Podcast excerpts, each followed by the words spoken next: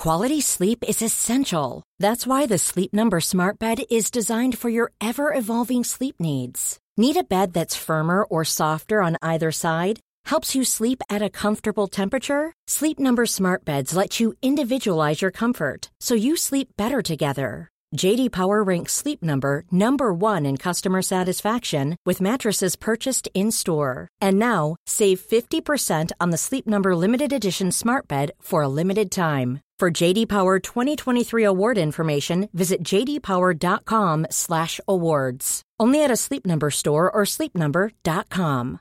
Ryan Reynolds here from Mint Mobile. With the price of just about everything going up during inflation, we thought we'd bring our prices down. So to help us, we brought in a reverse auctioneer, which is apparently a thing.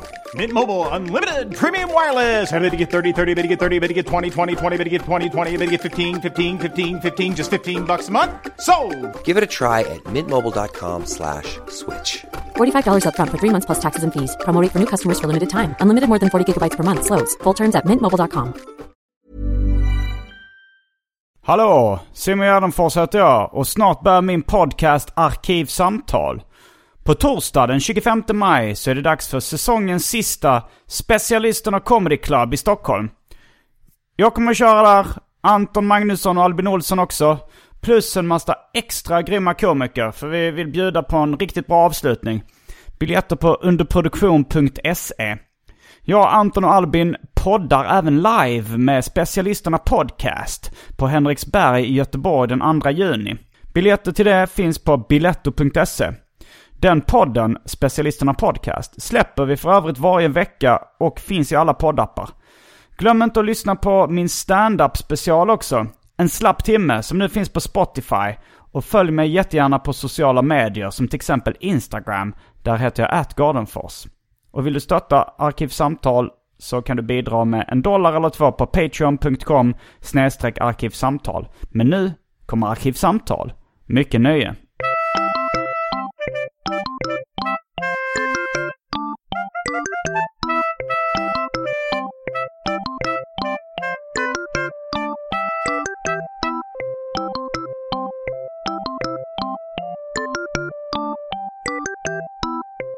Hej och välkomna till Arkivsamtal. Jag heter Simon Gärdenfors och mitt emot mig sitter Peter Wahlbeck. Välkommen hit. Tack så mycket. Behöver du någon närmare presentation? Mitt emot mig sitter Peter Wahlbeck igen. Mm, du har ju varit med förr. Ja, är det, är det ofta eller? Som? Som dina gäster återkommer? Ja, det är ganska ofta. Jaså? Ja, det visste jag inte. Nej. Gan, ganska ofta? Ja, det är vissa gäster som återkommer uh, med jämna mellanrum så att säga. Varför? För att de är roliga. För att de är komplexa, har mycket att säga. Ja, så kan det också vara. Det är kanske vissa som är mer intressanta än roliga. Hur var nu frågan? Behöver du någon närmare presentation? Ja, det behöver jag ju tydligen för att det är inte många i din, eh, bland dina fans som vet vem jag är. Nej, om man inte har hört avsnitt innan. Hur skulle du presentera dig för mina fans som du så skämtsamt kallar dem? Ehm, ja, jag är ju eh, komiker på något vis kanske för dem för att de lätt ska förstå. Konstnär, komiker och så är jag ju eh, då eh, din samarbetspartner nu i den här showen. Free as a bird som de brukar säga.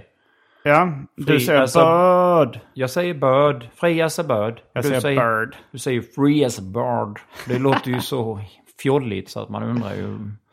Men har du andra sådana, eh, när du pratar engelska, Ja. låter det så fjolligt då? Eh, ja, jag får, får ofta mycket skit för att jag säger till exempel t-shirt. Det är i kombination med i. Ja, det, ja, det är nog det ärret. Men uh, R i kombination med vokaler är ju, det kallas ju diftonger då. Det blir ju då till exempel bådet, koven, hårtåg. där har du ju en ganska speciell eh, grej. Att du blandar rullande R och skorrande R i ditt språk. Det kan komma ibland, bara så kommer det. Att du pratar så här. Men när jag gör det på scenen så gör jag det för att vara tydlig. Mm. Men inte så mycket kanske i vardagen. Nu är jag mer Halmstad-dialekt. Men eh, på scenen så när jag kommer upp och tar i med volym och använder rösten Mm. och, och stödet sådär. Då använder jag rullande R. Men nu, även nu vet man pratar lågt så här rullande R låter lite konstigt. Men om man tar i och pratar högt. Men eh, jag tror vi börjar ganska tidigt avsnittet med det omåttligt populära inslaget Välj drycken.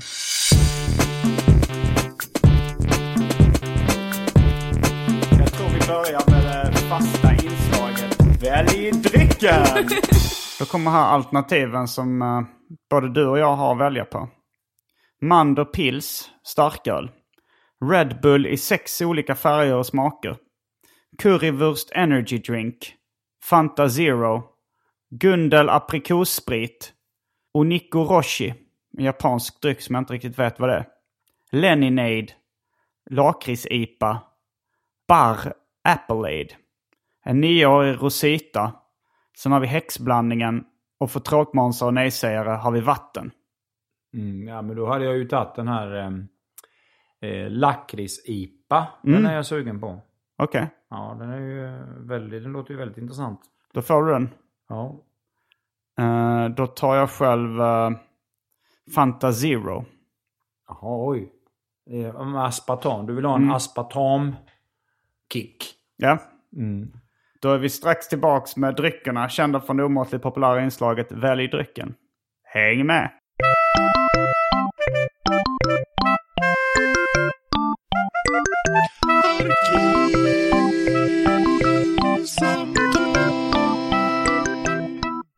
Då är vi tillbaks med dryckerna. Jag eh, har supit för mycket under den här turnén så jag försöker hålla mig lite nykter.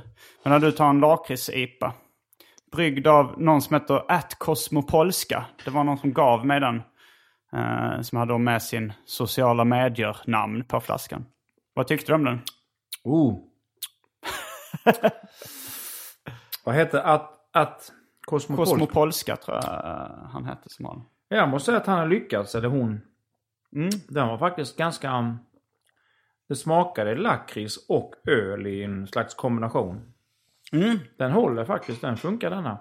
Ja men grymt. Mm. Nu eh, ikväll så avslutar vi vår uh, stand-up-turné, eller miniturné, uh, Free as a Bird. Som vi snackade om. Så vi har varit ute och uh, rest genom Sverige i en vecka ungefär. Sammanlagt. Ja, vi, vi var sö... Malmö var vi söderut. Ja. Men så var det ju Halmstad och så över hos mig. Ja, det var jag också. Och um, ja, vi har varit lite i olika städer. Det är sex olika ställen inklusive Stockholm. Men det, hade varit roligt att åka till Norrland. För det var ju hur länge som, som helst jag var där uppe. Typ i Sundsvall, Östersund, Umeå, Kiruna. Luleå. Sådana här städer hade jag velat åka. Sollefteå. Det hade varit kul att åka på dem. För att där har jag inte varit som komiker på, ja säkert tio år alltså. Nej. Men det var rätt medvetet att jag bokade, alltså jag tänkte så att man ska testa lite hur det var att uh, resa runt. Eh, så jag, tog, jag tänkte så att vi börjar med en fem, sex ställen. Så får vi känna på lite hur det är att åka runt tillsammans. För det, man tänker ju, du är ju ganska speciell. Det är kanske inte uh, det lättaste alltid. Har du märkt att det är ganska problemfritt? Alltså det, det finns ju ändå eh, ett ganska stort problem. Alltså? Eh, jag vet inte om du själv har eh, tagit till det där. Eh, jag har tagit upp det någon gång. Kan du gissa vad som är jobbigast med att, eh, att vara på turné med dig?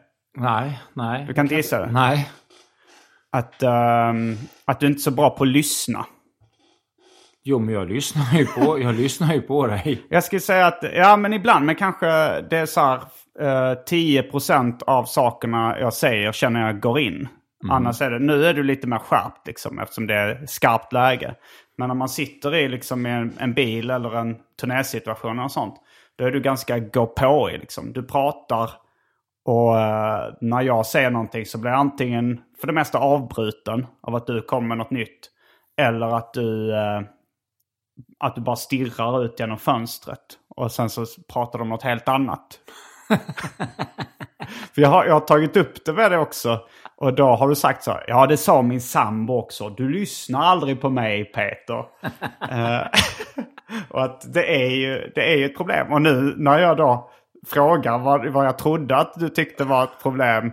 eh, Eller när jag frågade dig vad jag trodde att du sa var det ju helt som bortblåst. Du har ju inte tagit till det där liksom. Nej, det, nej men alltså. Nej, jag tänker inte så. Jag, jag går liksom inte in så jag vaknar på morgonen och säger att ja, nu ska jag gå omkring och, och ly, lyssna. Utan eh, jag, jag lyssnar ju på, jag vet inte, jag, jag går liksom inte intellektualisera att nu ska jag tänka och lyssna och vara lyhörd. Så, utan jag är som jag är på något vis. Ja, det, jag tror inte... Nu, du, Du menar på att, men det, men det, det är nog svårt att förändra sånt beteende. Jag men jag tycker det. att du, du har ju varit bra på att ta plats, tycker jag. Jo, jag gör mitt bästa. Eh, men, men ibland så är det lite frustrerande. Alltså, det, det som är roligt med det är att du tar plats ju så gott du kan. Du behöver inte mer plats. Du, du tar den plats du, du har... Du har ju skapat dig ett revir. Du tar ju den platsen du behöver. Du behöver inte ha mer plats. du behöver tycker inte ha 10% mindre. är, är, är bra nog för mig? Nej men så, så, så är det ju inte. Du är ju 50 procent. Det, det är nog i ditt huvud bara. Du, det är ju absolut 50 procent. Det är ju absolut 50 procent. Ja, men jag tror inte det. Alltså så här, Men jag, jag kan säga en sak som jag tror, om, om jag får ge dig lite kritik, det är ju att du ibland är från, frånvarande i din... eh, Du håller... Du, man kan sitta och prata med dig, man sitter och äter på restaurang. Då kan du plötsligt bara ta upp din telefon och börja fibbla med den och eh, ge dig in i att svara på något sms eller håller på Facebook eller Instagram eller några sådana sociala medier. Du, du är frånvarande ju rätt mycket. Jo. Plötsligt så hamnar du i den och det är ju väldigt oartigt. Men det är ju för att du Man kan får liksom fastna upp... i rant. Nej, men det är ju för att jag, då får jag fråga dig så här. Hallå, lyssnar du? Lyssnar du? Säger du mm, mm. Men det, det, det, det kan man. Du kan inte vara så simultanmässig så att du liksom kan göra på det viset, tror jag inte. Ja, men det blev så efter ett tag för att uh, ifall vi sitter på en restaurang och så kommer du in på någon lång harang om till exempel uh, husen som du håller på att bygga. Och så, så försöker jag byta samtalsämne eller liksom ibland frågar jag frågor så här till exempel så här, ah, hur länge har du bott där? Och du bara fortsätter utan att ha hört. Och då till slut zonar jag ut och tröttnar på att lyssna. Och jag, jag känner att det, det skulle kunna vara att du har din egen podcast där du bara sitter själv och skiter i liksom att det sitter någon mitt emot dig. Så till slut tröttnar jag bara tar upp mobilen. Okej, låt honom hållas då. Då gör jag min grej här borta medan du gör din grej. Ja, men det, så, det stämmer ju inte riktigt för du gör det ju flera gånger om dagen, kontinuerligt hela tiden. Du är ju, du är ju i din mobil hela tiden. Ja, Den det- är ju väldigt viktig i ditt liv. Eh, det, nej, det är nog bara när eh, jag är med dig. Nej, så är det ju inte. Nej, nej, nej. Du ska, inte, du ska inte göra dig bättre än vad du är. Du är fast i, i mobilträsket. Du kommer aldrig komma ur det. Du måste hålla på med det här sociala medier hela tiden. Det är ditt jobb. Alltså det är ett bra sätt att marknadsföra sig. Men det är också ett sätt för mig att fly, eh, fly verkligheten när jag känner att här, alltså det, det är, ibland får jag lite känslan att det är som att vara på turné med en schimpans. Alltså så att man kan få en viss kommunikation med den här schimpansen. Liksom, att den lyssnar lite. Men för det mesta bara hoppar den runt och skriker och babblar och gör sin grej liksom. Och det är en väldigt rolig schimpans. Publiken uppskattar den här apan. Men det, det är också ganska påfrestande att försöka... Det är en rätt bra jämförelse, men riktigt så är det ju inte. Nej, det är inte riktigt så. Det, Men, det, men är mer en människa än Nej, en men du, schimpans. du är ju men- modig som ger dig ut. Kastar dig hän och, och vill vara ståuppkomiker. Mm. Och är med i matchen och eh, kommer ju med smarta... Du har ju bestämt dig för vad du tycker är roligt och inte roligt. Sånt. Du är ju Mm. rätt så bestämd och självsäker liten kille liksom. Ja. Jo, det Men du är, du är ju inte ung längre egentligen. Nej, nej, nej. Det har jag det har jag aldrig du, sagt. Du är 40 år. Jag är 39. Det är ju, det är ju rätt gammalt. Ja, det är rätt gammalt. Eh, och sen också eh, en incident på en restaurang då. När du, eh, när vi var i Linköping tror jag det var. Och vi skulle käka lunch. Och du tyckte att maten var otjänlig, som du uttryckte det. Och fick ett mindre utbrott på personalen. Ja, det var ju bara en. Ja, det var en gång, men det, det ändå liksom... eh, Jag, jag, du vet att jag gick på han som sprang kring och var lite stroppig där och, och spelade chef. Han var ute och läxade upp någon i, i sin eh, personal där om att de hade gjort i ordning eh, uteserveringen eh, lite fel. Han sprang omkring där och då, då högg jag han och sa att det här maten, var, det var ju ingen bra mat. Det var ju någon slags rotsaker som de hade skulle friterat eller grillat då. Han påstod att det var gjort idag. Det var ju helt ljummet. Ljummet och så var det sån här blank, lite hal yta som grönsaker får när man vet att den har legat i kylen en natt. Mig lurar de inte. Du ställde till en scen där på restaurangen ska man kunna Det säga. var ju ingen som såg det mer än du och jag ju. Och Det han, var ju lite folk i... Scenen var ju det att han käftade emot. Och det ska man inte göra när man jobbar på restaurang. Då ska man bara lyda den som tycker att maten är dålig. Och Han sa ju också så här att eh, okej, ska vi, vi kan göra en ny rätt till dig. Men då blev du bara ännu argare för då tyckte du att han käftade emot. Nej, men då, då visste man att det skulle vara 20 minuter. Vad han skulle sätta på någon? Men vad då liksom? Han fick ju, de fick ju sin chans. Det, det, det måste ju vara högre kvalitet än den här lin, röd linsbiff som var alldeles torr. Ja, det förvånade mig att du åt upp skiten. Ja, alltså för min del så är det så här, man kan ju äta det och så blir man mätt. Det smakade kanske inte jättegott, men jag tänker man behöver inte gå tillbaks dit. Det, det känns som det, eh, det blir en skönare stämning om man bara äter upp och sen Jag drar tänkte därifrån. så här att när jag, så fick jag in sånt sai, sånt sai-spett som Ja. var helt bara uppvärmda. Förmodligen i mikron till och med. Det var ju inte grillat eller någonting. Så fick jag sån Det var din ersättningsrätt då. Och så försöker jag förklara för honom att det här är gräddfilen som de hade gjort tzatzikin på. Det var sån här billig gräddfil för det hade skurit sig. Och, var- och sådär äckligt vattnig när man gör en dålig tzatziki. Och så var det sån här potatis som var precis... Jag känner igen den smaken från när jag gick i skolan. Sån här skolpotatis. Då tänkte jag så här, och så var de olika färg. Någon var vit, någon var gul inuti. Så tänkte jag så här, innan jag gick så tänkte jag, ska, ska jag på något vis sätta spiken i kistan och säga Du, killen, killen, kom hit. Det var länge sedan jag åt sån här skolpotatis.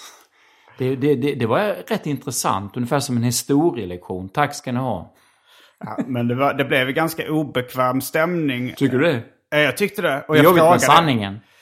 Alltså sanningen, man behöver inte alltid ta fram den. Om du tycker någon är ful på stan behöver du inte gå fram till den personen och säga Fan vad du är ful. Jo, de jobbar med mode så.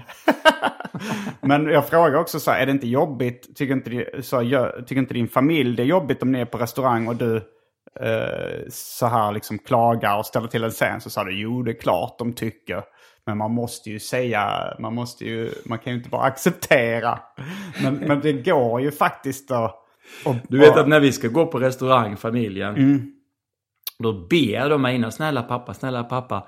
Säg inte att maten är dålig nu om du tycker det. Snälla, snälla, snälla, snälla. Det är Norea med, min dotter. Hon säger Ja. likadant. Snälla pappa, snälla.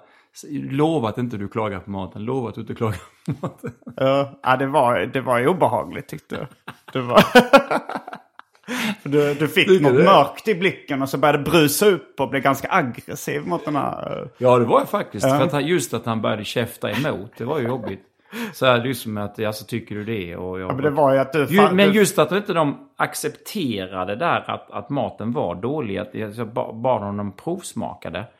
På något vis. Det var det han gjorde. Men som vanligt så var du ju inte världens bästa lyssnare. Utan du bara sa Och titta här, det här är otjänligt och det här, vad ska det här föreställa? Och du bara höll på. Det tog liksom, det gick fem minuter. Och sen till slut, och han försökte bryta in och säga så här. Låt oss fokusera på en lösning här. Vi kan göra en ny rätt åt det. Och du, då blev du ännu mer arg för att du tyckte att han käftade emot. Ja, precis. Att han inte accepterade att maten var äcklig. Alltså, alltså, just att typ att ja, det ser verkligen, verkligen äckligt ut. Jag, jag, jag, jag ser.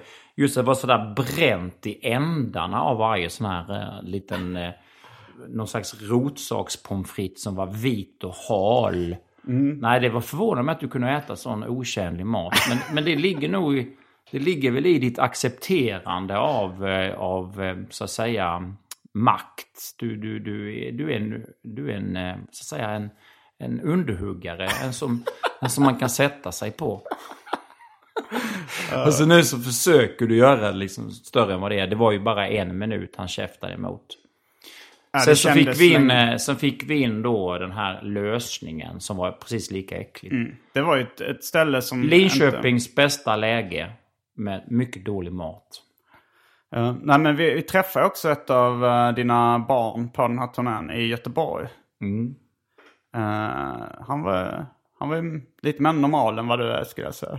William och du, ni hade lite samma. Han uppskattade ju dig ju. Han Ja. hade ju sett lite vad du höll på med och han, vad jag förstod så hade du, ni hade lite samma gemensamma, vad heter det, referenser eller? Mm, det hade vi. Eh, och jag frågade, jag frågade så här, eh, honom då ifall du eh, all, ifall du hade var, alltid varit sån här som du är nu. Eller om du liksom blev värre och värre med åren. För jag tänkte att du sa du bara blev konstigare och konstigare med åren. Men han sa att nej, det är tvärtom. Att du var som konstigast när du var kanske 30 eller någonting. Han berättade att det fanns en del anekdoter.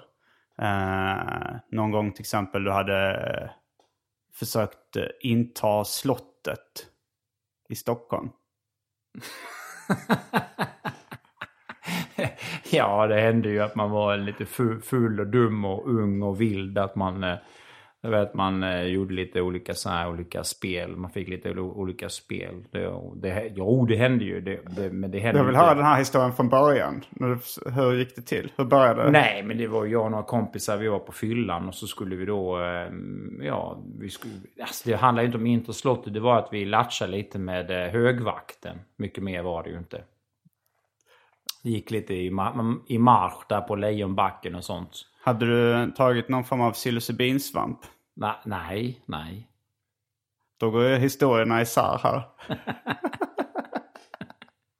Nej, Blev du arresterad eller vad hände? Nej, faktiskt inte. inte den gången, men det har ju blivit det vid andra tillfällen. Men det är ju kanske en eller två gånger och sånt. Men det händer ju att man löjlar sig lite grann då. Men det var ju, du vet innan man är med kompisgäng, den ena ska vara värre än den andra va. Um, Så blir det ju sådär dumt och lite överdrivet då. jag hörde även att du hade bitit Micke Persbrandt på Spybar. Ja, men det, det är också en sån grej. Det är också en skröna. Det, han, det, han, det var ju att jag, jag, bet honom i, jag bet honom i armen bara för att han tog ett polisgrepp på mig. och så kom jag inte loss. Så bet jag honom i armen. Men sen blev det ju då i tidningen bitet i örat så han blödde och sånt. Det var ju bara dumt. Så Ja. att, eh, det var ju också en sån tidningsgrej på något vis. Men herregud, sån här eh, dumma grejer man har gjort i sina dagar. Det, är ju, det där är ju ingenting mot vad man har varit med om på riktigt. Du vet va, allt möjligt skit. Vadå till exempel? Vad Nej, men herregud, man har ju gjort dumma grejer hela tiden och haft utspel och sånt. Men, men, men det är svårt det där när människa... Alltså när människa då är eh, liksom en spelevink och en clown och en, en människa som tar plats. Det är ju, det är ju svårt för oss. Vi, vi är ju en, eh, vi är en utdöende ras. Folk som tar plats. Ja, vi är en utdöende ras. Det tror jag är ganska konstant eh, typ i samhället som tar väldigt mycket plats. Alltså så här, det har nog funnits på 1800-talet och det finns absolut lika många idag som, eh, som liksom kräver mycket uppmärksamhet och plats i, i Ja, samhället. men det, det, nu när vi är inne på ämnet där uppmärksamhet. Det var ju på, jag, jag, jag växte upp hos en fosterpappa som var ganska sträng mot mig. Min mamma gifte, gifte sig med en, en annan man. Och det här var ju tidigt 60-tal. Och eh, jag var väl älskad som ett fosterbarn, men inte mycket mer. Och han tog ju mycket plats och eh, var ju väldigt sträng. Det var ju strängt på den tiden. När man växte upp så... Eh, eh, örfilen låg i luften på 60-talet i de svenska folkhemmen. Det var strängt och, eh, och det, det gjorde ju att man fick utlopp eh, för det i skolan. Alltså när man för- kom i, när man, för den här hårda hållningen hemma. Så när man kom ut eh, hem, utifrån hemmet då. Ja. På fritidsgårdar, i skolan, i korridorerna, på rasterna och sånt. Då, då, då var det ju som en frustration som ville ut på något vis. Och då, då blev det ju, du skapade ju då någon form av eh, självhävdelse.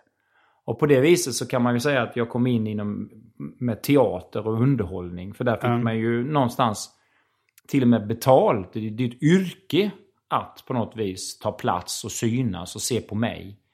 Någonstans har du väl du, du också det i dig. Ja, absolut. Jag, eh, Men var kommer det ifrån?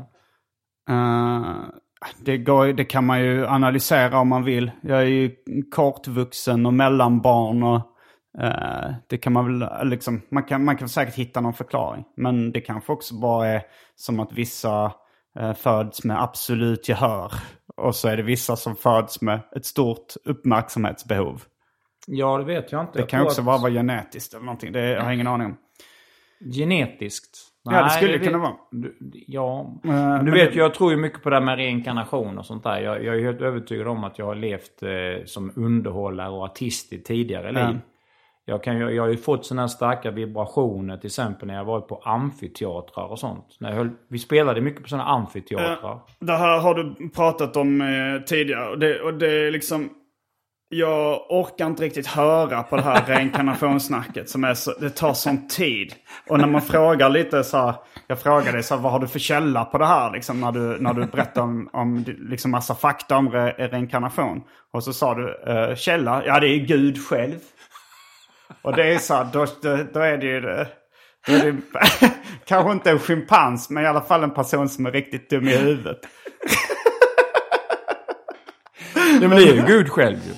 Ja men nu, det där är... Det, det är ju egentligen samma. Och grejen är ju den att det jag försöker ta fram i föreställningen. ehm, när jag har mitt lilla ateistsnack där. Ateistisk ormgrop som vi pratar om. Det är ju det när jag, när jag då driver lite med religion och sånt. Egentligen är jag faktiskt fast i samma eh, fälla eller samma argument att det är ju Gud själv. Jag kan ju inte, de författare som jag läser esoterisk litteratur kring om reinkarnation. ehm, När de säger att de, de skriver detta för de har en, en, en självupplevd verklighetsbild av gudomen. Så är det ju samma sak som en muslim eller någon annan som skriver någonting. Att ja, jag läser ju Koranen för det är ju självupplevt av Muhammed som har fått det av Gud. ja men allt det där är ju bara trams liksom. Eh, och det, det är rätt mycket, vi har pratat mycket eh, om din eventuella, liksom, dina fördomar. Eller, du har ju blivit anklagad för att vara rasist. Bland annat av mig kanske, några gånger. Nej men ibland kommer du med sådana här liksom skitfakta utan någon källa. Som till exempel du sa så här att visste du att det finns eh, fyra miljoner eh, 40 miljoner. 40 miljoner muslimer i Europa och 60 procent av dem lever på bidrag. Den, den faktan bara kastar du där. Och när jag frågar så här, kan du, kan du visa mig en källa på det liksom? Kan du bara, bara en Wikipedia-post eller vad som helst? Då bara viftar du bort det som att du inte skulle behöva. Bara, nej, nej, det. Nej, så var det inte. Ja, ja, så var det inte. Utan när jag sa att det var 40 miljoner muslimer som levde i västvärlden och har flytt från elände och krig och och, ja, eventuella krig och ekonomisk eh, misär. Så, så ändrade jag det från 60% bidragsberoende till 40%. När jag ifrågasatte Och nu, det. nu kan jag gå med på att de där 40 miljoner muslimerna kanske lever bara på 25% i bidrag. Men var, var får du de här siffrorna ifrån? Ja, men det är ju hypoteser som, som jag får från Gud. Du är ju helt slut i huvudet. du, du är bara... Du är, Men vad är din källa? inte- Vad är din källa? Gud. Ja, det... Du har ju...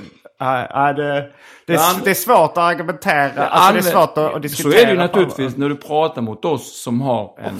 en, ja, vi som använder Gud som källa. Ja. Vi kan ju aldrig käfta emot. Jag är ju överlägsen eftersom att jag säger att min information kommer från Gud. Ja, du är underlägsen eftersom du gör det till en komplett idiot. Nej, jag använder Gud. Och i Guds namn hävdar jag saker och ting. Och du kan aldrig nå mig då. Nej, men du, Det blir det ju jag, bara ett... eh, det är därför som jag mitt- säger att ja, nazister är så korkade att de inte använde Hitler som en gud. För då hade de ju kunnat ha Hitlerkyrkan och använda hakkorset som en religiös symbol. Du hade aldrig kunnat nå dem. Men Vem tillber du? Vad, vad, vad, vad, vad är din bibel bäste nazist? Jo, Mein Kampf. Vad, vad är det som säger att Mein Kampf är inte bättre än den vanliga bibeln? Jag hävdar ju att Hitler är en gud. Det är så de ska använda religionen. Men det har de inte fattat. Och då skulle samhället inte kunna göra någonting. För det är ju deras religion och vi har religionsfrihet. Ja, alltså det är ju, du, du är så dum så det inte går att diskutera med dig. Alltså det känns som att det är verkligen... Det är som en schimpans som kan prata i mångt och mycket. och som är... Fast det är, det är det som jag tycker är det roliga. Att det har blivit extremt mycket freakshow det här. Att jag åker runt på turné med dig och visar upp något av en galning.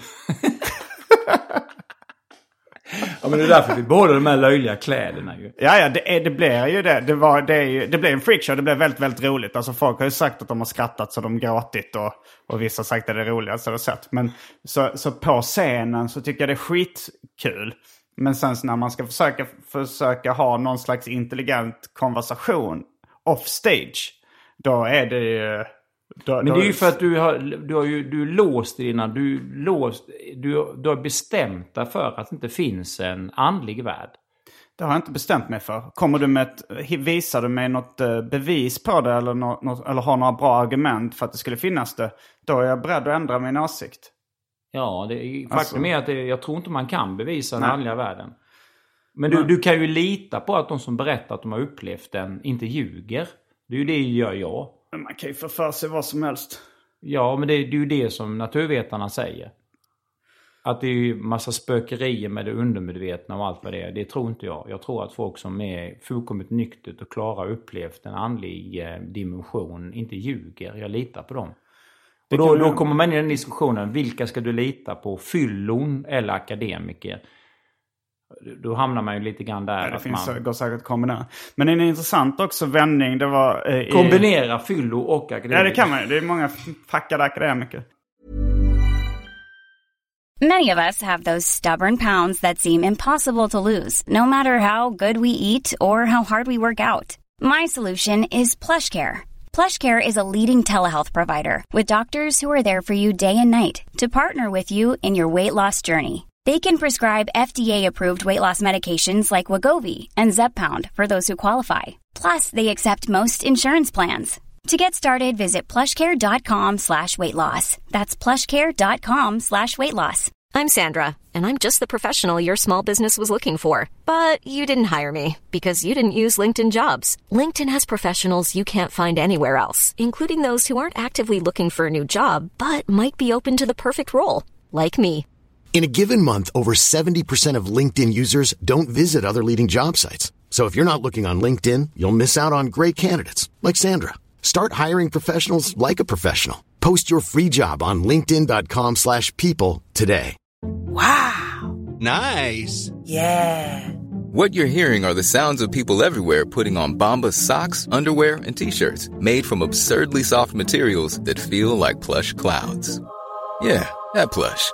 And the best part? For every item you purchase, Bombas donates another to someone facing homelessness. Bombas. Big comfort for everyone. Go to bombas.com slash ACAST and use code ACAST for 20% off your first purchase. That's bombas.com slash ACAST. Code ACAST. En rolig grej var ju när, jag, när du då fick reda på att jag eh, har en delvis judisk bakgrund. Eh, det blev en väldigt rolig grej på scenen liksom när du Ja, jag visste inte det. Nej, men det, men det var väldigt roligt. Du, det Jag känns- träffade din mamma och då, Mm. då, då, då såg man ju faktiskt att hon hade lite så här judinna-drag faktiskt. Hon var väldigt söt. Hon var Mm. det väldigt blev hon väldigt glad när jag berättade. Hon, var väldigt, hon var, såg väldigt bra ut. Ja. Jag har alltid haft sådär... eh, Jag tycker ju att folk ifrån eh, Mellanöstern ser väldigt bra ut när de har sådana här näsor som är lite raka sådär. Tar lite plats i nyllet. Precis som min egen. Fast tyvärr är min ju kvaddad.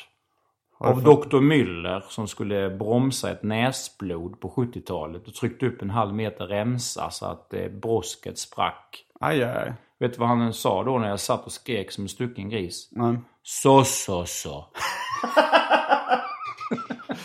Men du berättade också att du har delvis en judisk bakgrund också. Ja, man spekulerar ju det för att jag tittar på bilder på min egen biologiska far. Så skiljer han sig ju. Han växte upp i, i Huskvarna i... Eh, precis norr om, alltså runt omkring Jönköping, Huskvarna där. Om man tittar på hans barndomsbild så ser man att han är ju helt olik alla andra. Han är ju verkligen stora mörka ögonbryn. Han ser verkligen väldigt judisk ut. Och då spekulerar man ju i att det var en judisk affärsman som gjorde en kvinna med barn där och det blev min biologiska pappa då. Och sen så betalade han pengar till en Göteborgsman. Som var dessutom rödhårig då. För att eh, han tyckte så mycket om den här kvinnan att han inte ville att hon skulle göra bort för att då, då kanske det att hon skulle skada sig. Vi pratar ju 1917 nu. Men du berättade att, eh, att den här judiska affärsmannen hade avslöjat det på sin dödsbädd. Alltså hade bekräftat det. Nej, mannen som betalade eh, pengar till eh, där han växte upp, där min pappa växte upp. Han berättade det. Att han hade fått pengar från den här judiska affärsmannen. Alltså han som hade fått ta på sig faderskapet då. Mm, precis. Så han berättade att det var en judisk affärsman som var den egentliga pappan. Ja, precis. Och som hade då betalt pengar. Precis. Så jag, jag är lite inne på att ibland har jag tänkt så här att jag skulle ta och göra sån här gentest. För att man kollar i blodet. Ja. Jag tror att det är väl så att man ska. Det vet du bättre, du som är jude. Eller har ju, judiskt påbrå. Att man ska kunna kolla i genomet om det ligger. Så du kanske jag, jag kanske skulle ha något lik, likvärdigt Tror, blod. tror du verkligen att det kan synas i jag tror generna? det. Jag tror det. Det är så jävla På, konstigt på, att du tror det. moderns, på moderns sida kan du nog det. Tror du inte det? Det har jag läst. Har inte läst. Det måste Det vara är ju ganska- sådär att du ska kunna kolla om du tillhör Att det finns viss- en judisk gen. Det finns en, att du har någon sån adels... Du kan se att du är en sån adel. Du tillhör ett visst, en viss släkt. Ja, en viss släkt kan man ju kanske, alltså så att du, att du har gemensam liknande DNA som liksom din familj. Men det kan ju inte finnas en universell judisk DNA eller gen. Det där får vi kolla upp. Det kan vi, det, får vi, det får vi kolla upp. Uh, ja, det, det är intressant. Men, eh, men så du växte upp då med...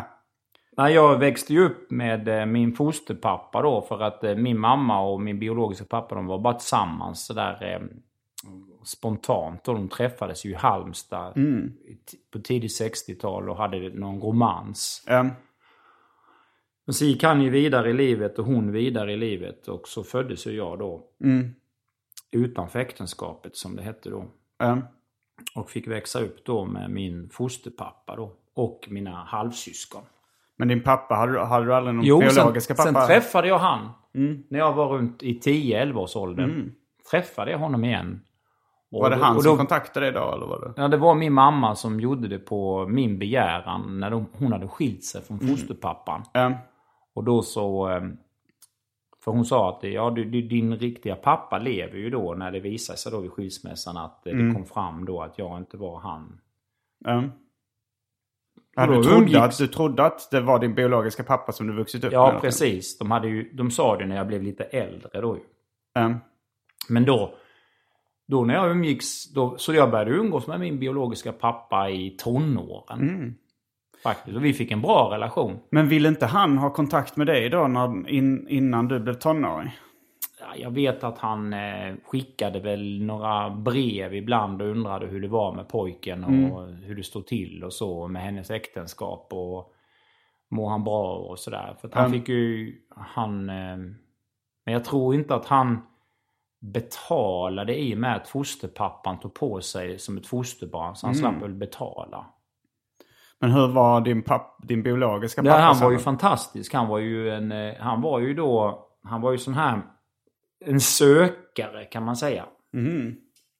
En, en, en, en människa som sökte efter kunskap i den, ja, var ju själv, eh, kunde dansa och hade spelat, han var musiker, kunde spela musik och sånt där. Mhm. Och han var också vegetarian då. Mm. Den tidens vegetarian. Han kom, han kom ur den vegetariska skolan som växte fram innan kriget. Mellan första och andra världskriget så hade man ju eh, något, en, en hälsorörelse i Sverige. Mm. 20-30-talet fram till kriget så var det ju en blomstrande med Ja, det hette ju värlandister. Det var den tidens vegetarisk, alltså den tidens form av vegetariskt då sådär att inte man skulle äta kött och fisk och så. För att utav hälsosynpunkt då. Men sen under kriget så föll det tillbaka för det, var, det handlade mer om att överleva. Så att jag fick ju lite så här skolning av honom om, om, om, just som med hälsa och sånt. Och sen så blev ju droppen då när jag fick Men var du vegetarian innan dess? Nej, jag var inte det. Utan jag blev vegetarian då 77 när jag jobbade på Scan. Mm. För min mormor hade, jobbade i restauranger på Scan. Så jag fick ett sommarjobb på Scan. Och efter den sommaren så blev jag vegetarian. Men, Och då uppmuntrade min biologiska pappa då. Vi träffades ju ibland på lov och vissa helger och på födelsedagar och sånt. Så då uppmuntrade han ju och gav mig lite litteratur och så. Han sa ju då till exempel att nu kommer de hacka på dig. Ja, att du är vegetarian och tagit det här valet. Så nu måste du ha lite argument också att komma med. Mm. Han gav mig lite sån litteratur och sånt. Vad jobbade han med?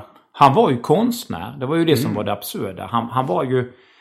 Han Alltså var ju bildkonstnär. f- bi- bildkonst, han jobbade professionellt och satt och målade av porträtt och eh, det kunde vara folk som ville ha målningar. Så han hette ju Karl-Erik Rundberg. Mm. Så jag fick ju ta min eh, mammas födelsenamn då. Så han hette ju... Och i hela den trakten kring Anderstorp, Gislaved, där vi var i Gislaved och käkade. Ja. Så um, där är dräller av tavlor i hemmen som han har gjort. Mm. Men Det kan vara på kor i någon sommaräng. Det kan vara eh, någon sån här ordensman. Det kan vara någon VD för något lokalt eh, plastföretag. Det är E. Grundberg. Blev du besviken på honom att han inte var närvarande under din uppväxt? Ja, det kan jag väl säga att jag... Men jag hade ju den andra pappan då på, på ett sätt. Va? Det var ju mer traditionell uppväxt så enligt den klassiska skolan. Men min mamma var hemmafru och så. Ja. Han kunde inte göra så mycket. Det var ju inte... Han, han, vad kunde han göra på något vis? Han levde ju med en annan familj. Besviken vet jag inte men eh, jag tänkte jag har tänkt mycket så här att jag skulle jag försöka undvika det för mina barn då. Att liksom vara närvarande. Det tror jag. Mm. Men en rätt rolig grej. När jag började med konst själv då. För 30 år sedan när jag hade min första konstutställningar. Då levde ju han fortfarande. Började med det samtidigt som stand-up ungefär? Jag, jag började med det tidigare. Tidigare än stand-up? Hade lite sån här eh, obskyra utställningar tillsammans med kompisar i Halmstad i lo- tomma butikslokaler och sånt. Ja. Och eh, runt omkring. Och gjorde modern kladdkonst då. Och då, då, då sa han ju att att kalla det här konst, det är ungefär som att jag skulle gå och köpa en fiol och sen sätta in en annons i tidningen att nu har jag konsert på Stora Teatern. nu har jag fiolkonsert Ja, han menar på Stora Teatern. det och det, det är ju lite grann den tesen jag har mot er ståuppkomiker. Att man, man kallar sig ståuppkomiker, så går man upp på scenen och bara står och dösnackar. Och så kan ingen käfta emot. Du kallar det för stand-up comedy, du och dina kollegor. Ni kallar det för stand-up comedy. Och ingen kan säga, nej det är inte stand-up comedy för ingen skrattar ju. Ni står ju bara och pratar. Och så är det ändå stand-up comedy, för att det, det är ju vad du hävdar det är. Det är ungefär som modern konst va. Samma grej. Men du köper en fiol, nu har jag konsert. Du, ba, du bara säger att ingen skrattar åt det jag och mina eh, kollegor gör. Du, och du, eh, när man frågade, du, jag frågade innan vilka eh, komiker du tyckte var bra i Sverige. Då, är det, då kunde du, tyckte bara att du själv var bra och ingen annan. Alla andra var dåliga. Och eh, jag försökte se någon slags glimt i ögat när du sa det. Men det verkar som att du tycker det på allvar. Nej, jag var faktiskt på Johan Glans föreställning i Halmstad tillsammans med mina barn. Vi skrattade från början till slut. Okej. Men sen kom jag på efteråt, eh, jag kom på, vi satt och pratade om showen. Vad var det Mm. han pratade om? Och då satt vi alla tre som fån. Vi kommer inte ihåg någonting av vad han hade pratat om. Nej. Och det är väl lite grann just essensen av det också på något vis. Att det går in i ena örat och ut genom det andra. Så du tycker inte han är bra då heller? Jo. Det är ju som en slags konsumtionsvara på något vis. Som en hitlåt. Du lyssnar på den lite grann, sen så glömmer du bort den. Och sen så, ah just det, den här gamla. Men om jag hörde om showen så skulle jag nog komma ihåg den. Ja. Men jag minns att det var jätteroligt och vi skrattade mycket. Men förstår du, kan du inte hålla med om ändå? Jo, alltså- erkänn, erkänn att det finns folk som har gått upp på olika scener, stand-up-scener och eh, sagt att jag vill vara ståuppkomiker. Och de har inte det här som vi kallar funny bones. Man måste vara rolig in i benet. Du, jag kan inte säga att de inte skrattar åt dig, för det gör de ju. Och du har ju någon form av komisk tradition ur dina serier och dina finesser och dina rapplåtar och sånt. Du, du är ju någonstans... Du har ju valt en humoristisk kulturgärning. Ja. Men det finns en del som inte har på en scen att göra. Och så säger du så här då, ja men de måste ju få prova sig fram. Hur ska vi annars få nya namn? Och jag håller väl med Nej, dig. det, det vet jag inte vad jag sagt. Men... Nej men, Men jag- men jag jo tycker- lite grann har du resonerat Jag så. är ju lite åt det hållet. Alltså jag tycker det är klart att alla ska få testa. Eh, Man kanske inte är bra från början. Men sen är det också liksom, vem som helst ska ju, kan ju så här, ja men det är väl som allting, att även om det är en dålig fotbollsspelare så, eh, så är det ju ändå fotboll kanske de håller på med. Men det kanske inte, de kanske inte är så bra fotbollsspelare. De inte har frågan- bollsinne menar du? Ja, de kanske är dåliga fotbollsspelare men inte har bollsinne. Och de blir förmodligen inte professionella fotbollsspelare om de inte har talang. Det är samma sak med komiker. Det, det är klart att det, det är stand-up de håller på med, även om det inte är bra stand-up. Och sen så kanske de inte kommer bli proffs. De kommer inte, kanske inte kunna leva på det. om Men de vi tar inte- han Carl Stanley som ett exempel. Ja. Han är ju en ny stjärna på himlen då. Första gången jag såg honom så skiljer han sig definitivt från de flesta. Därför att han har ju den här funny bones. Han ser ju lite rolig ut. Han är lite mullig och lite sådär eh, skånsk och lite gullig gubbe på något vis. En slags eh, ja, Edvard Persson i eh, 2000-talsförpackning. då. han kan gå långt för han har ju det på något vis. Men vissa, och det är ju taskigt och jag vet ju att jag har sårat människor på det viset. Det är många som vill vara komiker. Sen finns det ju sådana kändisar som vill leva sin dröm. De vill också upp på, på scenens tilje och vara komiker. Och de vet att de lyckas för att de är kändisar. För de har en publik. Och känd, när, när eh, publiken ser sin kändis så, Ja. så håller de käft och lyssnar lite artigt. Och lyckas de vara lite roliga så blir det bra. För då kan de kalla sig för komiker. Jo, men du. Eh, så är det ju. Du började ju ungefär med stand-up och eh, konst samtidigt. Och eh, stand-up är det inget snack om att du har funny bones. Alltså kanske en av de liksom mest tydliga funny bonesen i Sverige. Och det har ju gått jättebra liksom. Kanske, kanske har fått en dipp på senare tid. Men du har ju ändå haft liksom en, en karriär som komiker. Men med konst så har det ju inte gått speciellt bra för dig. Alltså det är ju inte... Nej. Det, det är kanske där då att du inte har den här eh, visuella talangen som vissa konstnärer har. Eller det här, eh, alltså det uttrycket. Och där så har du ju ändå fortsatt för att du tycker det är kul och du säljer tavlor för att du är känd i viss mån också. Så där Mm. Ja, det är så, helt rätt. Där så eh, sitter du nu och, och liksom skäller ut komiker som gör Jag har det inte skällt som, ut, det vet nej, du. nej, Men, men du sitter och... eh, Raljerar, raljerar. och säger sanningen. Ja, men det är exakt Jag är- det jag du är- gör fast omvänt då med konst. Och, och, du- som sagt, gör nu inte om kyparens misstag. Käfta inte mot, utan bara lyd. Nej men jag vill, jag vill höra dina argument. Håller du med om att det är samma Ja, sak du gör med säga- konst då som de du, du raljerar men jag kan om säga att det, alltså när det gäller Lyssna konst- nu, lyssna nu. Nu ska du lyssna. Det du gör med konst. Är det samma sak som det du just raljerar om ståuppkomiker? Att du är en person utan talang som bara går upp och tar folks tid och uppmärksamhet och liksom som kändis då får en viss publik trots att du saknar den här talangen som krävs för att bli framgångsrik och bra och uppskattad. Du kan ju lika gärna sitta och raljera då om dig själv, att det du gör inom konst som du raljerar över att ståuppkomiker gör. Det är en lite, lite dålig jämförelse för att insatsen att måla en tavla är, betyd, är faktiskt väldigt betydande och tar mycket tid. Och Det gör det ganska att hålla på med stand-up också. Nej, att gå upp och hålla på och bara stå och De, dösna. många står och skriver Ja, skämt. men det är ju för att folk, alltså det är ju inte så här, det är ju inte som i England. What the fuck, be funny for God's sake. Men folk så- sitter ju så här och, och, och dumflina och är artiga. Så gör de ju med din Men, konst också. men låt mig svara på konsten. För det första så missade du ju den senaste utställningen. Jag såg ju när ni höll på att hänga upp den. Det, det var ju bra tavlor. Nej, nej. Jo, det, är dåligt, det är dåligt. Det kan jag inte säga. Jag kan säga det på samma sätt som du säger att de flesta svenska Du, du kan inte säga att den, det är dåliga tavlor. Jo. För det finns någonting i de verken som är faktiskt... eh, De är snu- snuddande. Jag kan säga så här. De, de har färg, de har lite humor, de är, har en berättelse och de är moderna och lite tuffa och faktiskt jävligt fräcka. Så varför är du inte Och de framgångsrik är, konstnär? Jo men det är framgångsrik och framgångsrik, de säljs ju. Det är för att det, du det finns ju inga kvar. Det är för att du är känd Det, det kan jag inte håll. påstå för då skulle jag ha sålt mer. Vad sa du? Då skulle jag ha sålt mer. Ja men det är för att de är dåliga.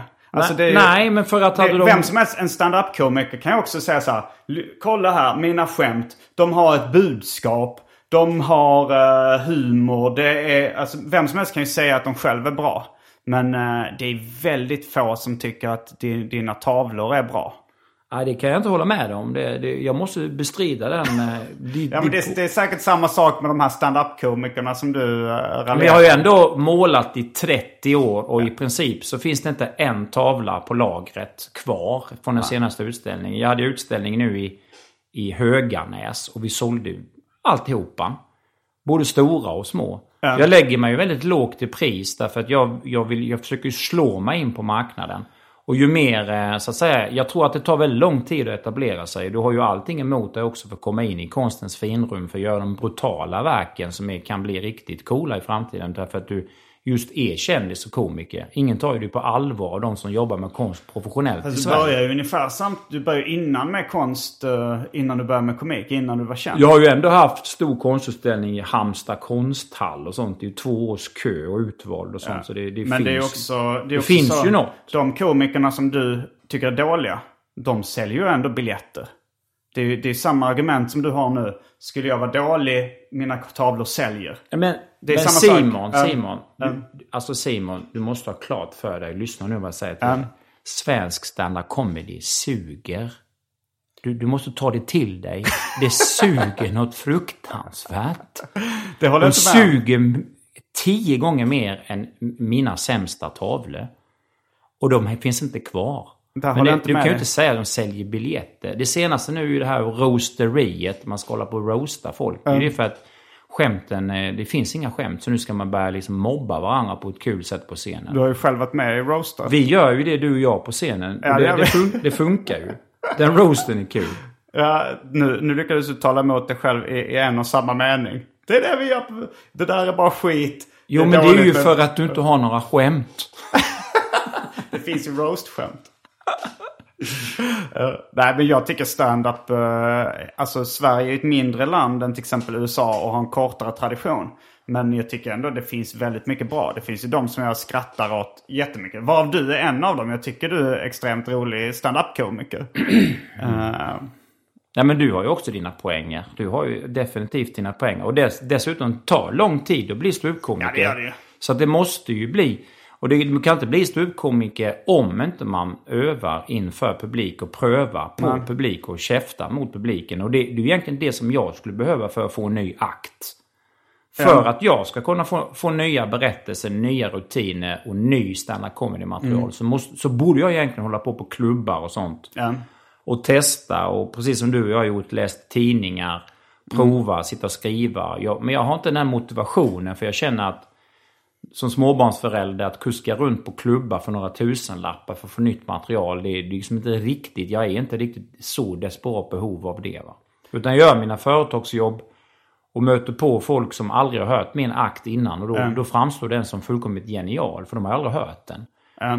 Och det, det, det, är ju- det är en fälla det där. Det är en svår fälla det där. En svår balansgång det där. Jag, jag vill ju vara på Norra Brunn och vara själv på Norra Brunn. Ja. Jag sa till han Peppe Marcella som har det. Jag måste få köra själv. Kanske en fredag, lördag, varannan månad någonting. Just för att till exempel första halvlek då testa nytt material och i andra halvlek då efter paus köra eh, hits. Så att, ja, arbeta fram på det viset. Men det vill han ju inte. Utan han ville ju då att det skulle vara eh, lekstuga och att publiken skulle vara försökskaniner. För nybörjare då. Det ska vara klubb. Och då, då sa jag tack och hej, nej, då vill inte jag vara med. Jag tänker inte åka upp och, och stå och få ont i ryggen i baren och lyssna på folk som tröttar ut publiken i två timmar. Och sen ska du komma in kvart över tio när folk är dödströtta, suttit från sju och betalt dyra pengar. Det är ganska mycket ursäkter man har från din sida just nu. Du, du hade kunnat eh, testa material på andra klubbar. Du, det, du framstår ganska mycket som en komiker som har gett upp. Eh, att du inte riktigt orkar testa fram nytt material och komma och jobba fram en ny show som du skulle kunna tjäna bra pengar på om du hade nu... Det här är rätt bra att vi pratar om det här med att testa nytt material. Därför grejen är att det, det är ju det som alla måste göra. Nej, Testa nytt material. självklart. Att få Ja. nytt material. Men, men å andra sidan, vilka har hört alla mina grejer egentligen? Av din, om vi tittar på din publik. De som känner till stand comedy. Ja. Som har hört stand comedy. De kanske har hört någon enstaka grej av mig. Du har bekantas bekanta komikerkompisar som har hört, hört vissa rutiner. Allt som jag har kört. Ja. Men 90% av dem som på den här turnén har varit med har ju inte Nej, hört. så är det ju. De har inte hört Så det, du ska, jag tycker att många komiker låser sig vid det här med att man ska piskas fram och göra nytt material hela tiden. Och det tror jag gäller för de som mjölkar svenne. De måste göra det. När de åker ut och mjölkar svenne varannat år, då måste de ha nytt material. För de, det, det, det är ju deras publik som kommer tillbaka och betalar 700 spänn. Då går du inte att komma och betala 700 spänn eller 800 spänn, kanske 1000 spänn. För att höra samma sak igen. Nej, nej. De är piskade när de ska mjölka svenne att hitta på nytt material. För det är ju, men, för dem, men det är, för dem är det ju en miljonbusiness. Det är Ja, ju ja. inte för dig och mig. Och för unga komiker, så kör alltid ditt bästa material när du känner det. När de, när du, om jag skulle omsätta miljoner, det är klart som fan att jag skulle sitta och krysta fram skämt vid datorn. För jag skulle hitta på nytt. Om jag sitter och krystar i fyra månader, tvingar mig fram att hitta på och testar och Mm. har övningspublik och åker runt på klubbar och jobbar, då klarar jag att få en ny fräsch timme varannat år. Mm. Och då hade du inga kunnat tjäna mer pengar också. Ja, precis. Då hade jag också haft 12 miljoner på banken som tack. Det är ju big business för de här människorna då. Ja, det är egentligen det du vill göra också men du orkar inte. Du kan inte komma dit om inte du syns i rutan. Ja men det hade du... Du måste bli har du gjort. folklig Du har ju kändis. kändis. i rutan mycket. Men, men sen är det också att du... Du måste är bli ganska- folklig kändis. Jo. Det kan inte Peter Wahlbeck bli, tror jag. Nej, för att Peter Wahlbeck är ganska otrevlig ofta mot folk. och, eh, och pajar relationer genom att vara ett svin med jämna mellanrum. Du skulle ringa den där krogen i Linköping. Du, det var jag som klagade på att er mat var otjänlig. Jag ville bara säga det innan jag säger en sista sak. Att ert, vill ni ha stand-up comedian på eran ut, Ja, utes... nej, men sånt, alltså det är klart att ryktet sprider Om man då säger nej. Om man då säger nej. Du- Eh, Ta era jävla skolpotatis, köp i röven. Du har ju liksom ganska dåligt rykte och du är ganska taktlös. Till exempel när... eh, när jag, jag har ju läst den här boken då, Jag bombade. Med olika, då var det några, massa olika komiker som, som liksom skriver att du har betett dig dåligt på olika sätt och att du aldrig betalar eh, maten och sånt där. Så jag var ganska, jag var ganska eh, noga med så här, men fan nu, nu får du ge lite pengar här också. Du liksom så här, okej nu har vi en nota på, på 700 spänn, då betalar jag den. Men då, och så ger du mig kanske eh, 300. Så här, men för fan snåla inte nu, ge mig 350. Och så, så kom servitrisen in med liksom beloppet på, eh, på den. Så, eh, så, så eh, skrev jag in, eller så bara klickade jag okej och drog mitt kort. Och då så sa du så här. Men har han inte dricksat någonting? Han är ju snål som en jude. Den där killen. Och hon, hon vet ju inte att vi eh, Att hon vet ju inte att jag är jude och att liksom vi har skämtat om det innan. För henne så si- sitter där bara liksom en, en otrevlig antisemit. Och, och, för hon sa, wow, hon sa liksom, rygga tillbaka. Så, wow, wow. och du, du reagerade inte på det utan du bara, här har du! Och så slängde du eh, en 50-lapp mot henne och när hon gick därifrån så uttalade Nej, så gick det till. Utan när jag upptäckte att du inte hade dricksat, Ja. då, eh, då tog jag fram pengarna och sa detta samtidigt på skoj. Gav Till henne henne? 40 kronor, ja. Jag tror inte hon fattade att det var på skoj. Nej, det är möjligt kanske. det, det är möjligt, men jag sa det för att du gärna ville vara lite judisk du skulle få höra det. För du var ju snål som en jude som inte gav dricks, för du, det Du måste ju man gärna göra. dricksat. Ja, men det, ja, det, det ingår ju, du, du fick ju, Jo, jag du fick ju brukar- för mycket av mig ändå. Jag brukar faktiskt dricksa när, fast eh, när man själv har möjligheten att slå in beloppet. Men nu så kom hon med ett färdigt belopp och bara eh, tryckte Jaha, på ja, ja, okej. okej, då har vi förklaringen. Ja. Men, ja, det var ju eh, bra att jag hade kontanter. Så, Ja, det var bra. Så, så att, så att vi, hon fick lite. För hon var ju snäll mot oss. Ja, Hon var det snäll mot oss. Men det var inte så bra mat. Inte, Tyckte du inte det? Jag Nej, jag var, det på var väg, jag var på väg och eh, be kocken komma fram. Nej, vad i helvete. Det var ju svingott. hemmagjorda pizzan som, som var någon slags, eh, någon slags sån... Alltså jag skulle säga att maten där var ja, fantastisk. Jättebra. Tyvärr. Tyvärr. Den hemmagjorda pizzan, det var en slags Kalle Anka på pizza med någon slags sån deg. Det skulle vara en tunnbrödsblandningsdeg. Det var ju helt sekt och äckligt. Och så låg det smält ost i en hög på. Jag det sa hade ju det. ingenting med pizza att göra. Men jag höll käft för att vi känner ju dem på den krogen då. Va? Men, eh, vad, vad, vad heter det nu? Det heter ju... Café Deluxe i Café. Deluxe i Växjö. Vi, vi känner ju de som äger Ja, jag känner det. Jag tycker det är Men eh, världens pizzan alltså. ska de jobba på. Ja, det är väl din smak. Om det nu ska då. vara sådär lite lantlig så går det inte att komma undan med tunnbrödsbotten med smält ost på. Tyvärr. Tyvärr. Eh, Jag tycker att det var jättegott. Uh, Men den här var god i alla fall. ja, IPan gillar du. Lakrits-IPA. Men eh, jag sa ju också det till dig eh, då, liksom, för du, du hade ju någon, eh, en eh, ganska bitter utläggning om din karriär. Liksom att du hade fått, att eh, standup-uppdragen hade störtdykit. eh, från kanske 1999 och fram tills idag. Och jag menar ju att du fick skylla dig själv ganska mycket för att du hade varit ganska otrevlig mot folk och så här. Och du sa också så här, ja det säger min sambo också. Exakt samma sak.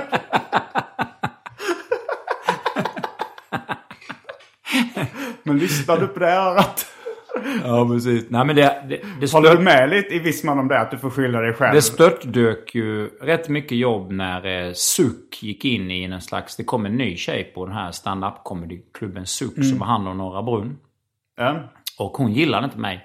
Nej. Hon heter någon, någonting, jag vet inte. Trots att du var helt trevlig mot henne alltid. Bara. Nej, men det var väl det att jag... eh, De kunde inte riktigt separera mellan uppträdande på Norra Brunn inför en livepublik en helg och en publik på ett företag. För det är ju ändå så att när man är ute på ett företag så silar man ju snacket lite grann och är mer artig och kanske inte svär och brusar upp. Det är ju inte alls samma publik, så varför ska man då köra ett tufft språk och en viss jargong?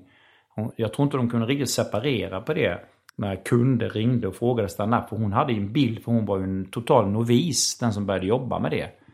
Så då gick de ju på de här säkra korten. Och det är ju klart så att om du är företagare och framgångsrik företagare, håller på med jakt och sånt.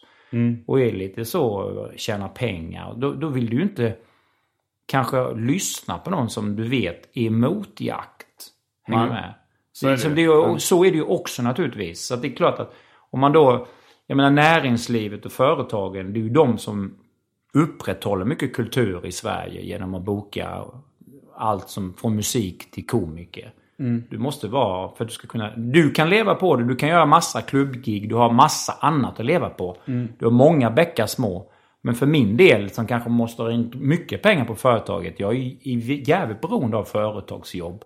Och säger också att det är väldigt tacksamt och roligt att uppträda för företag. För det blir verkligen så. Och det är också väldigt enkelt för mig, för de har aldrig hört min akt. Och då blir det ju fantastiskt. Första gången de hör till exempel Pizzeria Pingvin eller något annat va. och nu också då eh, Happy Ending Undercover Police. Är det en ny? Det är Du kommer ny. börja köra den nu. Den ska jag bara köra. Ja. Det var... Den har du väl utvecklat under Den har vi vuxit. Den har ju du hjälpt till med att få fram. Happy Ending Undercover Police.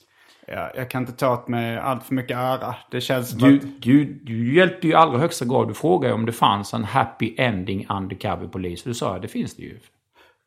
Som jag minns det så var det bara du som började eh, prata fritt om det. Och sen så i efterhand har fått det till att jag hjälpte till med rutinen. Du ligger bakom den rutinen. Du är egentligen hjärnan bakom Peter Wahlbecks Happy Ending Undercover Police. De som är ute och, och naglar fast eh, thai-massörer när de mot slutet råkar nudda könet på någon. Och där har jag tagit upp det ganska många gånger med det att det är ju inte olagligt att sälja sex i Sverige. Så den historien går inte jag, ihop. jag tror inte det stämmer. Jag tror inte det stämmer det där. Att du tror, eh, alltså i Jag Sverige... tror att det i allra högsta grad eh, räknas som prostitution. Ja, men så är det i Sverige. Att det är lagligt att sälja sex, men det är olagligt att köpa sex. Ja, Har du är ju- missat det? Det är helt ambivalent. Det är ju korkat. Men reglerna är så i Sverige. Så kan man tycka vad man vill om dem. Men har du missat att reglerna gäller? Jag har hört det förut, men Ja. jag, jag trodde ingen trodde på den dumheten. För hur fan ska man kunna sälja om man inte får lov att köpa? Hur fan ska du kunna få... Det är ju helt korkat. Det är klart att det, det är förbjudet. Du tror inte att reglerna ser ut så eller? Jag har hört det förut och jag vet att det är så också någonstans. Men, men, hur- men du hör ju själv hur dumt det låter. Du får inte köpa, men det är inte olagligt att sälja. Men hur ska det då bli, uppstå? Alltså hur det ska uppstå? Ja. Tanken är väl att eh, de ska skydda sexköparna genom att, eh, att de inte ska göra något... eh, eller de ska skydda de som säljer sex. Ja, nej, men, eh, genom att, då, att man inte ska kriminalisera... Men då är happy ending eh, lagligt då alltså? Ja, alltså det är lagligt att sälja det men det är inte lagligt att köpa. Så det är inte så att en undercover-polis går in och haffar en massös som försöker sälja sex. Det är bara olagligt att De köpa. får komma på föreställningen och se hur, hur, vi, hur vi lägger fram Ja, det det, här. det, det, det Publiken bör se det. Publiken skrattar ju för att du gör en, du- imita- en, en stereotyp imitation av en thailändsk kvinna. Det är, det, det är många av dina rutiner som går ut på att du gör en, eh, en eh, karikatyr av en invandrare. Det ska jag säga är väldigt stor procent. Egentligen är det ju sån humor som inte är så bra egentligen. Så kallad mobbing stand-up comedy. Eh, Degraderar och, och indirekt mobbar dina me- världsmedborgare. det, det är det du håller på med? Nej, all stand-up comedy. All? Ja, i princip. Allt så här. Det är påhopp, mobbing, ljug, lögner och överdrifter stand-up comedy. ju. Långsökta jonglörer som hamnar i en slags lögn. Gillar du inte stand-up comedy som konstform? Det, det, egentligen kan jag säga att jag inte gör det faktiskt. men faktum är det, nej, men som när, när, när till exempel eh, Johan Glans uppträder för en fullsatt teater. Då är det ju bra. Men det blir ju inte magiskt någon gång. Men han är så rutinerad och gör det så jävla bra så att det blir kul. Har du aldrig sett magisk stand-up comedy? Det måste jag säga att det har jag nog fan aldrig gjort. Däremot har jag sett magisk teater och opera och magisk film. Har du Jag själv aldrig aldrig sett- haft ett gig som känns, Jo, där du det- har det kan- som känns magiskt? Ja, faktiskt. Så då är När det, det- du när det är- magiska stand-up Nej, comedy. jag har varit med om stunder när det har varit magiskt. Men, inte har en, hel, men in, inte en hel akt. Nej, men när alla har skrattat och det har varit sånt flyt från alla komiker som har medverkat den kvällen. Man kan nästan säga att det var magiskt för att det var så fruktansvärt roligt. Och klockrent. Men det har ju mycket med publiken just då i den stunden. Det är ju lite tur när det uppstår. Jo, så är det ju. Och jag har ju varit med på teatrar också där det är perfekt ljud, perfekt rörelse. Jag kan säga att jag tyckte nog att det var på snudd magiskt i Växjö. När jag hade min långa harang där. När jag glömde det här med Black Pope. Och jag bara körde hela det religionssnacket där. Och det var sådär att jag tror att många där verkligen fattade min poäng. För vi hade gott om tid, bra ljud. Och Men det var inte så mycket skratt? Alltså på den det- religion... Nej, nej då, det var ju tyst. För att de var, det var ju väldigt tyst. Men sen kom det ändå förlösande skratt när, när de förstod att det, skulle, att det var ändå rätt roligt. Men det är just det som är bra. att De åker iväg och helt inne i berättelsen. Plötsligt så vaknar de till liv. Att ja, just det, det är ju humor. Ja, det var ju du hade en rutin då också om eh, islam. Och... eh, Jag har ingen om islam. nej men om Jag nämner inte Koranen. ordet. Koranen. Nej, jag nämner inte ordet. Du gör en imitation av hur det låter när någon läser Koranen. Nej, inte, Så- inte någon mulla eller någon sån läser Koranen. Utan, och den, det- ikväll, ska jag, ikväll när vi kör sista föreställningen på Scalateatern så ska jag bygga ut den ännu mer. För jag har kommit på ett trick hur man ska göra där. Som jag kom på i den improvisationen i Växjö. När jag hade tid. Ja, det var väldigt roligt när du sen sa att ja, men det här är ju lite generaliserande. Precis. Att du, du kom på dig själv med att det var generaliserande. Då skrattar ju publiken väldigt förlösande. För, att, Precis. för de har ju suttit nervösa hela tiden när du härmar en, en eh, arabisk man som läser ur en helig skrift. För, för sin fru. För sin fru ja. För sin fru. Och Varför hon, varför hon ska lyda. För det står i den boken. Ja, och det, och det tror jag folk uppfattade som, som då, eh, ja, men väldigt fördomsfullt. och sen så när du får själv bara så här vänder, gör en 180-vändning och bara säger ja det här är ju generaliserande. då, då blir det ju, men det är också någon form av freakshow då. Att man tänker vad är det här för snubbe som står där och säger sån här konstiga Nej, grejer? det är ingen freakshow. Det är vast. Det är brutalt, det är skoningslöst, det är avslöjande. Det är väldigt roligt. Det är ju precis det som är den fina formen av svensk comedy. När den blir så här samhällspolitisk och man får skämta om allting. För det ska vara högt i tak och bra och modernt. Det är vad det är. Du, du förvånar mig ganska mycket också när du berättade att du röstar på Miljöpartiet. Och så hade du en utläggning om att du ville ha någon form av... Äh, äh, du, då gjorde du en imitation, en ganska, vad jag skulle tolka, föraktfull imitation av en tant. Som var den här miljöpartisten som du föreställde dig satt i riksdagen och argumenterade. Hur lät hon ungefär? Nej, men jag, sa, nej, men jag, sa, för, jag sa till att det, det, jag har haft det som en st- stand-up-rutin. Jaha, du har det? Okej. Ja, jag har haft det. Att eh, man slänger in det så i förbifarten. Jag brukar ju rösta Miljöpartiet. Och så tänker folk så här, ja, ja, han gör det för att han är lite vegetarian och kanske tror lite på miljön. Men du och gör väl det på riktigt? Ja, jag gör, jag gör, det gör jag. Jag tycker att ett miljöparti i Sveriges riksdag är viktigt. I, av alla parlamentariska inriktningar så är det bra att de sitter där. Och då är det ju det. Men inte, säger man då på skoj till publiken. Det är inte för att jag tror så mycket på miljön och sånt, utan just bara den vetskapen att det sitter som frigid liten miljöhona med någon sån sjal och såna här lappnäbbskor i, i något sånt här utskott. Och de ska diskutera vapen med moderater sådär. Jag tror inte på det här med vapen. Jag tror att det blir ond kretsgång. Och så sitter någon sån. Putin kommer ju nu och ska inta Gotland. Nej, vi ska inte ha mer vapen. och då målar man upp den bilden uh. av någon sån här, du vet, sån här igentorkad kvinna som bara sitter sådär och bara är sådär eh, frigid och torr. Liten grå mus med näbbstövlar. Och då skrattar publik, för de fattar ju att det är sådana som är miljö, med i Miljöpartiet. Mm. Och med de orden så avslutar vi veckans avsnitt av Arkivsamtal. Jag heter Simon Gärdenfors. Peter Wahlbeck. Fullbordat samtal.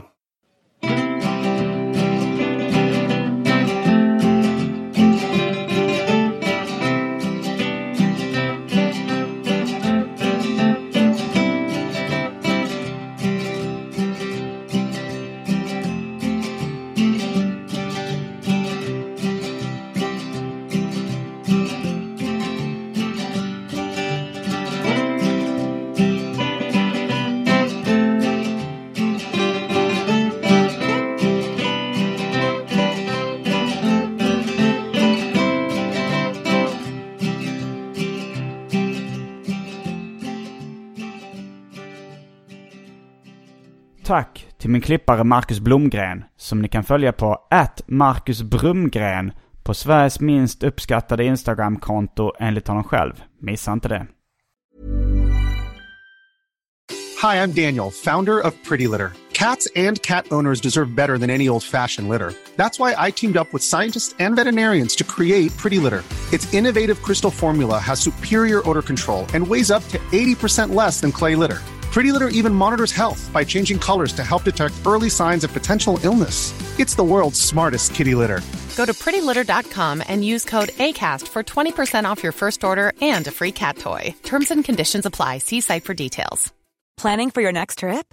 Elevate your travel style with Quince. Quince has all the jet setting essentials you'll want for your next getaway, like European linen, premium luggage options, buttery soft Italian leather bags, and so much more and is all priced at 50 to 80% less than similar brands.